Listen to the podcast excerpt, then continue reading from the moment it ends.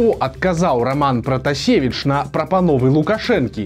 Куды знік беларускі мільянер Владзімир Дзялендзік і як былы КДБшнік адкрыў даволі падазроны бізнес. Вітаем сябры, Гэта наша ніва і зараз мы ўсё вам раскажам.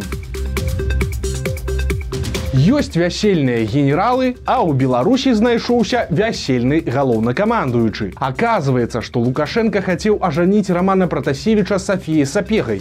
Пра гэта расказвае губернатар расійскага прыморскага краю кажамяка. Калі памятаеце, гэты чыноўнік прыязджаў сустракаць сапегу, калі яе выпусцілі з гомельскай жаночай калоніі.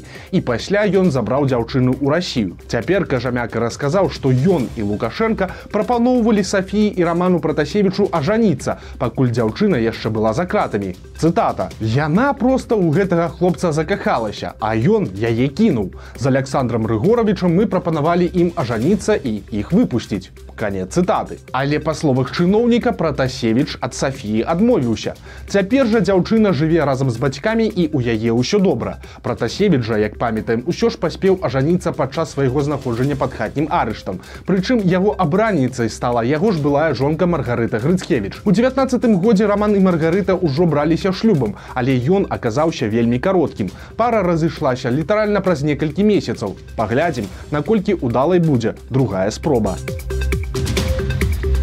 Мільянер Уладзімир Дзялендзік з'ехаў з Беларусі. Дзялендзік адзін з самых паспяховых беларускіх прадпрымальнікаў. Ён стваральнік кампаніі Дарыда, ч'я вадзічка стаіць у кожнай беларускай краме.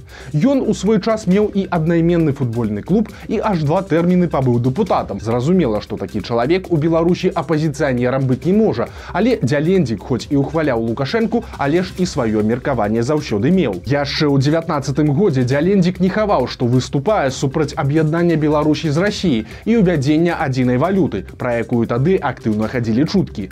Ён крытыкаваў законы пра дармаедаў, казаў, што патрэбныя змены ў эканоміцы. А перад выбарамі два -го года дзялендзік казаў, што лукашэнку варта б было б адпусціць бабарыку. Таксама мільянер прапаноўваў ліквідаваць і белую русь і БРСМ, а таксама звяртаў увагу, што жорсткія дзеянні амапу толькі дапамагаюць людзям яшчэ больш ненавідзець уладу. Праўда, пасля выбараў і пратэстаў дзялендзік знік з публічнай прасторы як удалося высветліць трыбуне бізнесмен пакінуў Беларусь. Як кажуць яе суразмоўцы дзялендзік зразумеў да чаго ўсё ідзе як будзе развівацца сфера бізнесу пасля ўсіх пасля выбарчых падзеяў і прыняў рашэнне з'ехаць з Беларусі. Па звестках портала трыбуна бізнесмен цяпер жыве ў Іспаніі дзе да гэтага ўжо пасялілася ягоная дочка Наталья яна замужам за каталонцам і разам з мужам даўно займалася прасоўваннем прадукцыі дарыды на іспанскі рынок цяпер на перынеі перабраўся і владимир дзялендзік. Па дакументах ён застаецца заснавальнікам дарыды, якая працягвае працу і прыносіць бізнесмену някепскі пасіўны доход. Цікавы бізнес беларускага КДБшніка. Дмітрый Пабяржын у 16-18 годах узначальваў прэс-службу камітэта дзяржаўнай бяспекі.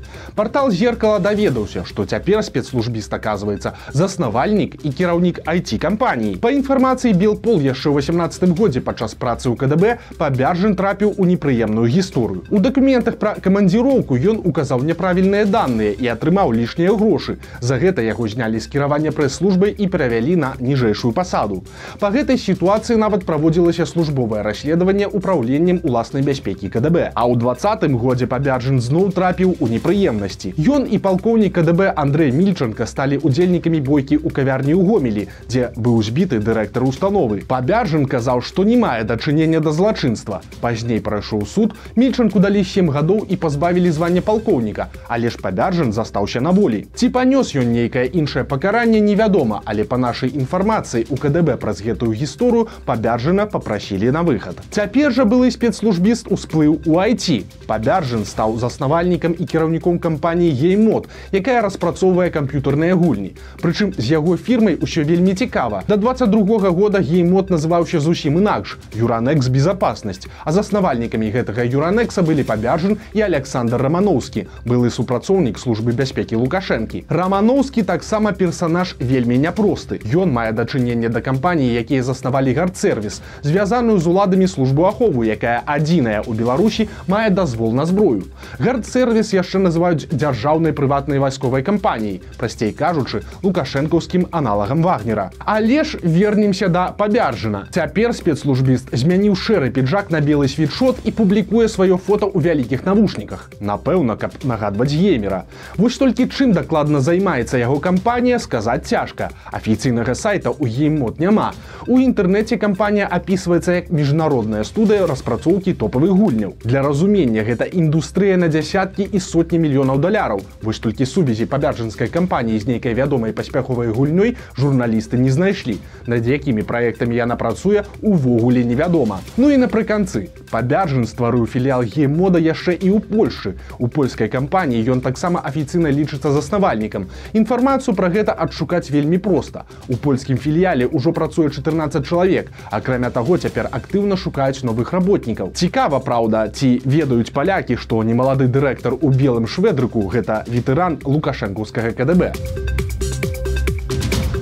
жудасная гісторыя адбылася ў капыльскім раёне. Там 22 лістапада загінуў мясцовы жыхар. 40гадовы мужчына абліўся бензінам і падпаліў сябе.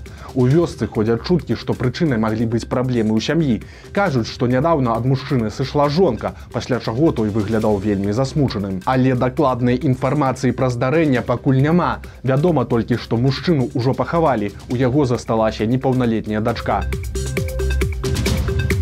барацьба з усім беларускім працягваецца. З'явіліся фото як дарожнікі заклейваюць беларускую лацінку на дарожных паказальніках. З лацінкай даўно ваююць рознага роду прарасійскія актывісты кшталту сумна вядомай ольгі бондаравай. Але нядаўна яны дайшлі да таго што заклікалі выкінуць беларускую мову з абвестак метро. Патлумачылі такую ідэю клопатам пра расійскіх турыстаў і нават прывялі прыклад. Маўляў быў выпадак калі госці з рассіі выйшлі не на той станцыі бо не зразумелі аб'яву дыктара якая гучыць на беларускай і англійскай мовах. Вось такая бессэнсоўная і бязлітасная гасціннасць пакатушкі на самакаце скончыліся кепска. У бабруйску судзілі 20гадовую дзяўчыну яшчэ ў жніўні яна ехала на арэндным электрасамакаце і збіла пяцігадовае дзіця. У малога дыягнаставалі сур'ёзны пералом нагі. Гэта кваліфікавалі як цяжкія цялесныя пашкоджанні. Завялі крыміналку а цяпер быў суд. Кіроўцу самаката прызналі вінаватай і далі ёй год хіміі з накіраваннем у выпраўленчую установу у бяжы моўчкі. З'явіўся проект новага загада для беларускіх спартсменаў. Вось што хочуць чыноўнікі. Усе выступленні інтэрв'ю і нават пасты ў соцсетках трэба будзе ўзгадняць з міністэрствам спорту. Не хочаш? Тады звальняйся. Таксама звальненне пагражае за непавагу да дзяржаўных інстытутаў і канстытуцыйнага ладу за дзеянні якія накіраваныя на парушэнне грамадскага парадку і гэтак далей. Прасцей кажучы напісаў крытычны пост да пабачэння. Даў няправільнае інтэрв'ю да пабачэння трапіўся сілавікам і сеў на суткі аналагічна усяго добрага.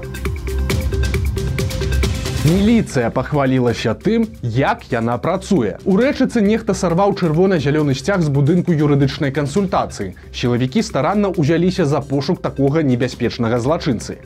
Міліцыя паведамляе, што каб адшукаць крыўдзіцеля сцяга, губазік адглядзеў сотні гігабайт відэа з камер назірання і адпрацаваў больш за 50 чалавек цягам трох тыдняў. Гэта значыць, прыходзілі да тых, хто раней трапляў у поле зроку сілавікоў па палітычных справах. У выніку мужчыну, які сарваў той сцяг знайшлі і за затрымалі на яго завялі крыміналку. А таксама сілавікі выхваляюцца што падчас пошукаў яны прыцягнулі да адказнасці за рознага роду парушэнні больш за десятак чалавек